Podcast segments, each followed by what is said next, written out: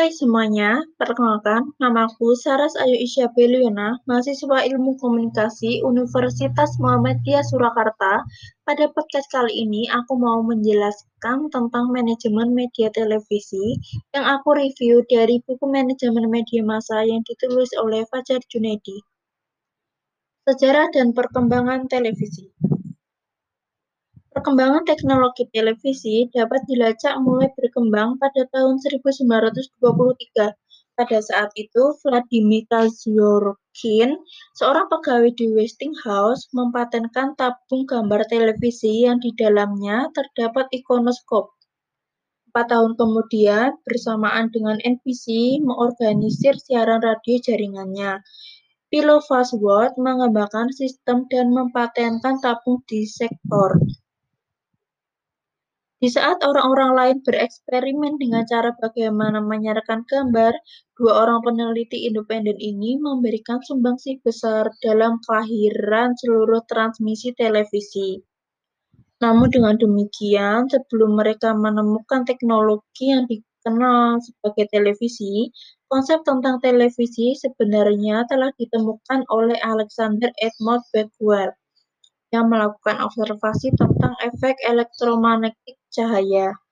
Observasi inilah yang kemudian menjadi dasar dari perkembangan teknologi televisi sampai saat ini. Perkembangan teknologi televisi memang banyak berakar di Amerika Serikat. Namun demikian bukan berarti di negara-negara lain, terutama Eropa Barat, teknologi pertelevisian tidak dikembangkan. Pemerintah Jerman mengawali menyiarkan layanan siaran televisi non-eksperimental pada tahun 1935. Di Inggris, siaran British Broadcasting Corporation atau BBC diawali beberapa tahun kemudian. Di Amerika Serikat sendiri, siaran komersial dari stasiun televisi dimulai pada tahun 1941 ketika CBW yang kemudian berganti nama menjadi WCBS TV dan WNBT yang selanjutnya berubah menjadi WNBC TV. Mengawali siaran di New York pada tahun 1946. Setelah Perang Dunia II berakhir, penjualan televisi mulai bergeliat. Stasiun televisi mulai melakukan programming dalam siaran mereka.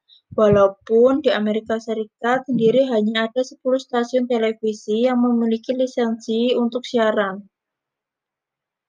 Struktur dan posisi dalam manajemen televisi. Stasiun televisi sendiri dipimpin oleh manajer yang disebut sebagai manajer umum atau general manager.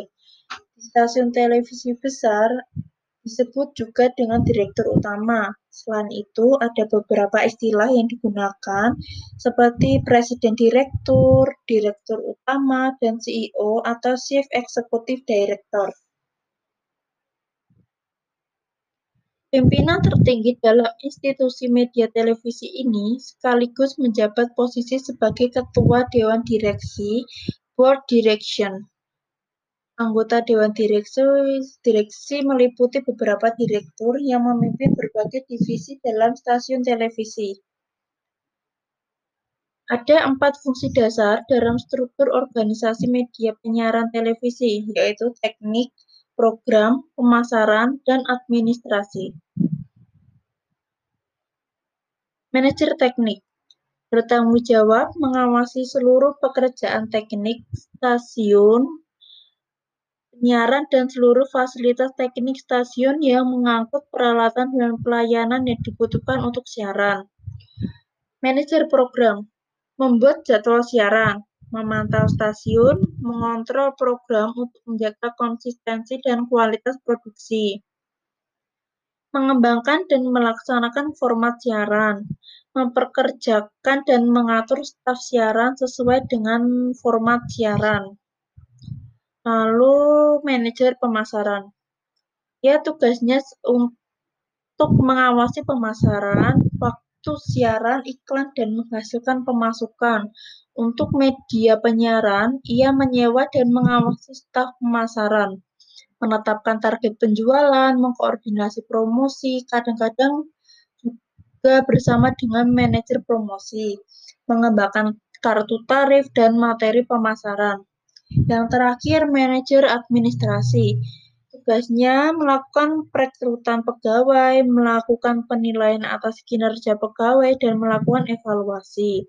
Memastikan ketersediaan data, mengolah jadwal dan tenggat waktu, mengelola fasilitas dan inventoris, yang terakhir, memantau biaya pengeluaran dan membantu penyusunan anggaran. Sekian podcast dari aku. Wassalamualaikum warahmatullahi wabarakatuh.